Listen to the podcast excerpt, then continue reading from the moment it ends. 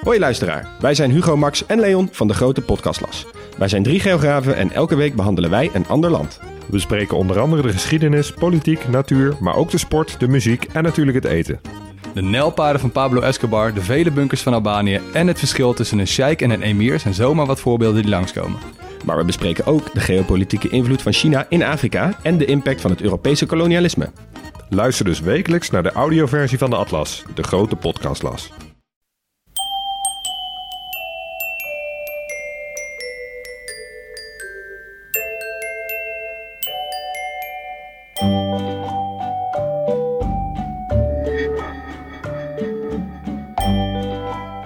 Bij aflevering 229 van Echt Gebeurd.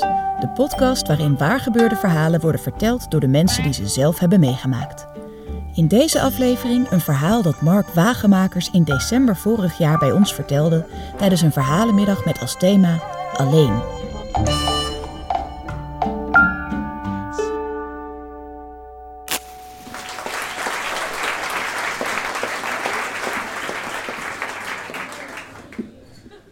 En toen stonden mijn ouders en ik, ik was 14 jaar, ik was anderhalve meter lang, woon ongeveer 45 kilo, stonden wij ineens voor de grote poorten van een oud klooster, wat een psychiatrische inrichting voor kinderen en jongeren was geworden. Het wordt zo'n verhaal.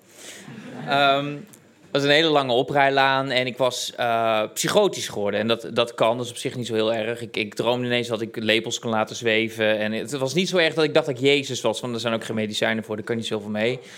Dus ik had een psychiater en die psychiater zei... Nou, weet je Mark, ga gewoon lekker uh, negen weken je laten observeren... in zo'n heel goed uh, ja, resort. In Breda was het. Uh, de Mark heette het ook heel sympathiek. en, nee, het is niet gelogen. En... Um, de psychiater kwam al ophalen. Dat was zo'n hele actieve 50-plusser met een Tommy Hilfiger, Spencer, Ralph Lauren overhemd en van die sneakers die ze geen sneakers mogen noemen, want ze zijn toch artsen. Uh, Zo'n heel uh, grappig montuurtje en zilvergrijze haren. We liepen door van die hele lange gewelfde gangen. En bij de intakekamer uh, hing een spiegel. Toen zei de psychiater, er is geen spiegel. Er zitten vier vrouwen, die, die gaan jou observeren. En dat was met, met pennetjes en papiertjes en camera's en dingen. Hartstikke leuk. En um, voor me zaten een gezinstherapeut, een sociotherapeut, een muziektherapeut, een psychomotorisch therapeut die maar een hypnotherapeut werd. Waarom een beetje van die alternatieve New Age toestanden. En uh, die zeiden, nou ja, psychose, daar kom je zo vanaf. We geven je gewoon pillen, maar we denken toch dat er iets meer is wat er, uh, wat er speelt. Ik zei, oh, geen idee. ja, homoseksualiteit was al uit de DSM, dus dat had toch geen nut. en uh, nee, dat was wel makkelijk geweest. Dus die zei, nee, we gaan toch verder kijken. Trek je broek maar uit. Nee, ga zitten ga zitten. Um, je moet alleen wel een fixatieprotocol ondertekenen. Ik wat is een fixatieprotocol? Ja, nou, dan kunnen we je helpen, ook als je er zelf geen zin in hebt. Ik denk, nou, dat wordt nog wat. Um, nou, ik had het fixatieprotocol ondertekend en ik ging, uh, ik ging naar mijn kamertje. Nou, die negen weken die werden negen maanden en voor het bijna kerst. En we hadden een voortgangsgesprek. En mijn gezinstherapeut, uh, daar had ik niet een hele goede band mee. Um, hij kwam uit Limburg, ik uit Brabant, dus sowieso een beetje frictie. Die zei, uh, ja Mark, uh, misschien ben je emotioneel gehandicapt. Ik zei, ik emotioneel gehandicapt? Godverdomme, is helemaal niks van waar. Um, toen mocht ik mijn ouders zes weken niet meer zien. Want ze zeiden van, ja, misschien ligt het toch in de band die je met je familie hebt. Dus ik zei, nou ja, weet je, ik, ik vind het eigenlijk niet akkoord, maar goed. Wat heb ik dan wel? Ja, dat weten we ook nog niet. Misschien is het een soort kinderschizofrenie of kinderborderline... of iets in het autistisch spectrum, want dat was toen heel hip. Iets in het autistisch spectrum. Ja, 1 en 1 is 2. Oh, je bent heel goed in wiskunde. Misschien heb je autisme. Was ook niet het geval, want dan kon ik niet rekenen. Dus ik ging naar mijn kamer, ik was heel boos en ik hoorde allemaal gekrijs en geschreeuw. En, uh, en dat bleek de isoleerafdeling te zijn. En dat werd toch een beetje angstig voor mij. Want ik dacht, ja, telkens dat gepiep en al die mensen die werden opgeroepen, vind toch niks voor mij. Dus dat ik tegen mijn psychiater vertelde van ja, maar weet je, van heel veel angsten kun je gewoon afkomen. Laten we voor de isoleerangst gewoon naar de isoleercel lopen. Ik zei, nou ja, weet je, prima. Dus we liepen door die gangen. En links was de recreatieruimte, daar verbleven we heel vaak. En ik was inmiddels bijna 15, toch een tikkeltje opstandig en, uh, en uh, wars van alle autoriteit. En toen zei de, de, hoofdbe, de hoofdbegeleider, en hij, voel, hij voelde zichzelf ook echt een hoofdbegeleider. Zei van, nou Mark, als jij dit schot kan maken met de poel, dan mag je een kwartier later naar bed. Dus ik zo. En ik maakte het schot, warempel, ik wist niet waarom. En toen zei hij, oh ja, dat had ik eigenlijk niet verwacht, maar jij kan niet een kwartier later naar bed. je zult toch eerder naar bed moeten gaan. Ik zo, ja. Ja, maar dat was, dus, dat was dezelfde begeleider die ons een keer twee uur in onze kamer had opgesloten. Want hij zei, mijn sleutels zijn gejat. Eén van jullie heeft het gedaan. Dus de deuren van de kliniek gingen dicht. Het ging op slot. Wij moesten op onze kamer zitten. En twee uur later kwam als een soort nurse Ratchet komt hij langs. Met een koektrommeltje. Zei, ja, het zat toch in mijn andere jaszak. Wil je alsjeblieft een koekje eten? En mijn excuses. Maar goed, rechts was dan de stilteruimte. En dan gingen we naar die hele dreigende rode deur van de isoleercel. En dat was van dat, van dat, uh, uh, van dat melkglas plastic. Maar daar waren heel veel agressieve mensen. Dus dat, dat dat was half af. En dan zag je dan een gele linoleumvloer. En je zag vier uh, uh, blauwe deuren met schuifsloten. Dus wij gingen naar binnen en Frank, mijn psychiater, die dacht... nou, we gaan iemand van zijn angst afhelpen. Ik heb er zin in. We gingen op het bed van de isoleercel zitten... en dat was bekleed met een, uh, met een, met een blauw dekbed. Wat een soort ijzerfolie zat erin. Ik zei, waarom is het zo stroef? Ja, dan kunnen mensen zichzelf in je ophangen... mochten ze heel eenzaam zijn. Ik zei, nou ja, oké, dat, daar kan ik ergens bij inkomen. En er stond een pootje en een bakje water en ja, wc-papier. Alleen sommige mensen deden hun behoefte ook tegen de muur. Dat was toen heel uh, ja, modern in Islissam mag natuurlijk allemaal. En toen stonden we dan en uh, zei, ja, heb, ben je nu nog steeds bang? Ik zei, nou, ik moet eerlijk zeggen, ik vind het niet fijn. Ze zei, ja, maar Mark, daar kom je toch niet in? Ik zeg, maar was daar niet dat fixatieprotocol voor? Nee, dat is nergens voor nodig. Dat is gewoon net dat moet, want je bent nog geen 18. Inderdaad, ik was 15 of 14. Um, maar goed, het komt allemaal wel goed. Nou ja, en de, de maanden lengden en het werd kerstavond 2004.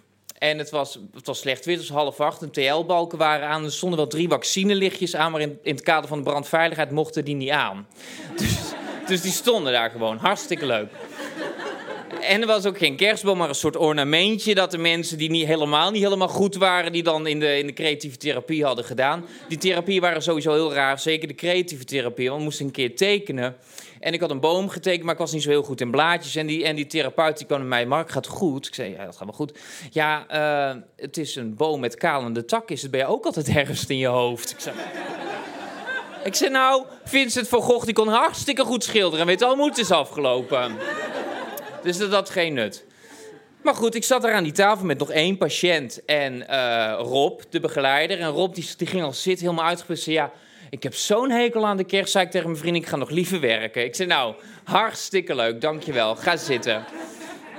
En er kwam een hele rare lucht uit, uh, uit, uh, uit de magnetron. Want al het was van het instellingsvoer. Dus er moest allemaal uh, in het water van de voedselveiligheid... moest dat 20, 25 minuten in de magnetron, de hoogste stand...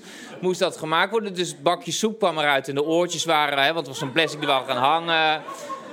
Droop een paar van die aparte alternatieve dingetjes in de tomatensoep... wat ook niet peterselie was...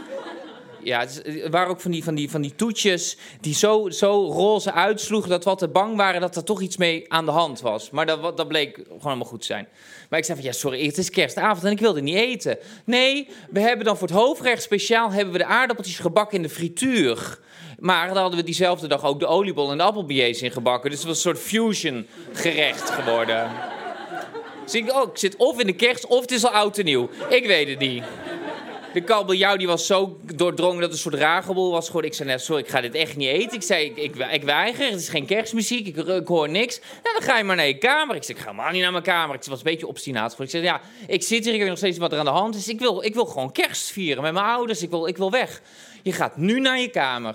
Dus ik stampte naar mijn kamer en ik gooide mijn schoenen uit nou ja, die ontlookende homoseksualiteit het chronische voormaken. Dus ik had nog heel veel paar andere schoenen. Had ik ook tegen de deur aangegooid. En ik had stoel had ik, uh, op de grond uh, gebonkt. En toen hoorde ik ineens, ho, ho, ho. Ik denk, nou, daar hebben we de kerstman. Dus ik deed de deur open. Of je gaat nu zelf mee, of we helpen je een handje. En er waren drie van die alfa, bronstige mannen. En ze stroopten mouwen op en ze deden armbanden af. Ik dacht, nou, dit gaat niet helemaal goed. Rob, de begeleider, die had inmiddels dus deuren op slot gedaan van de kliniek. De andere patiënt waar ik mee was, moest naar zijn kamer. En die zeiden, of je gaat zelf mee, of we helpen je een handje. Ik zei, nou, uh, ik weet niet waar we heen gaan, maar voordat ik die keuze had kunnen maken, ik denk, ik heb toch meer keuze, ik nog even over nadenken. Hadden ze me al vastgepakt. Een armklem, dat deed heel veel pijn, want ja, ik mocht niet tegenstribbelen of tuffen of wat dan ook. En uh, ik werd door die, door, die, door die gang getrokken en naar beneden geduwd. En ik zat ineens, voor ik het wist, hoorde ik de schuifsloten achter me dichtslaan. Uh, en zat ik daar in die cel. En ik hoorde een pingetje. En dan gingen twee camera's aan, zodat ze dan boven, eh, waar, waar ik woonde, toch als een soort entertainment of zo naar mij konden kijken. Ik, ja, die is toch alleen met kerst of zo. Ehm, maar voor het protocol werden ook mijn ouders gebeld. En dus toen zeiden ze, ja, uh, Rob zei, ja, uh, je zoon is in de isoleercel. En dan moet Robert de Brink nog beginnen, kan je nagaan, op kerstavond. Um, dus ik heb heel die kerstavond eigenlijk doorgebracht. En ja, de, het is er heel donker, het is er heel stil. Er was geen centrale verwarming, het was best wel koud. En ik dacht alleen maar van ja, hoe, hoe heeft het zover kunnen komen dat ik, dat ik hier zat? Maar, maar ook bij mijn, bij mijn ouders thuis werd er ook nooit gesproken over psychiatrisch probleem. Want als ze bijvoorbeeld alleen al hadden verteld dat het in de familie zit, dat er heel veel mensen bipolair zijn, dan zou je kunnen denken: weet je, misschien is er een link, geef me een pil, kijk wat er gebeurt. Dat is makkelijker dan iemand uh, in de isoleercel te stoppen. En die uh, hele kerstavond ging voorbij en ik was, ik was heel uh, mondig, uh, te mondig. En toen werd het isoleersel toch als een straf gebruikt. En ik, ik bleef daar maar zitten. En nou ja, op het laatst was het enige, was een hele rare therapeutische vorm. dacht ik van, oh ja, maar als die deuren op slot gaan, dan ben ik in ieder geval niet alleen, maar dan ben ik wel bij mezelf. En dan voel ik me eigenlijk heel veilig. Dus ik zat er eigenlijk gewoon bijna de hele dag, voor een half jaar lang. En toen dacht ik van, nou, nou heb ik er geen zin meer in. Het was oktober, ik had nog steeds geen diagnose en nog steeds waren die mensen er allemaal. Dus ik ging gewoon uh, naar de praxis. Ik had een kerstboom gekocht, die zet ik gewoon voor de deur neer. En ik had alvast lekker zelf balletjes gemaakt en ik had slingertjes opgehangen. En ik had gezegd, kunnen we misschien met het kerstmenu iets zelf doen? Dat kon niet. Maar het was kerstavond 2005. De thealichten gingen uit. De vaccinelichten stonden nog steeds op tafel. En ineens hoorde ik Mariah Carey. Die was er ook. Nee, die was later opgenomen. Um, de lichten gingen uit. Rob, diezelfde uh, groepsleider, die zat er weer. Want het was inmiddels uit met zijn vriendin. Want die vrienden hadden zelf ook helemaal geen om alleen de kerst te vieren. Dezelfde tomatensoep met die hangende oortjes, die waren er. En we gingen zitten. En de muziek was aan. En Rob die pakte een aansteker uit zijn zak. En die deed die drie vaccinelichtjes aan. Inmiddels rook het naar haarlak, want we hadden een geïmpregneerde kerstboom op de afdeling gekregen. Met balletjes en slingertjes en een emmertje koud water. Voor weet toch, toch iets gebeurd. En toen zei Rob, je weet dat ik het niet leuk vind met kerst, maar toch hoop ik dat je dit jaar wel een fijne kerst hebt. Eet smakelijk. Fijne feestdagen.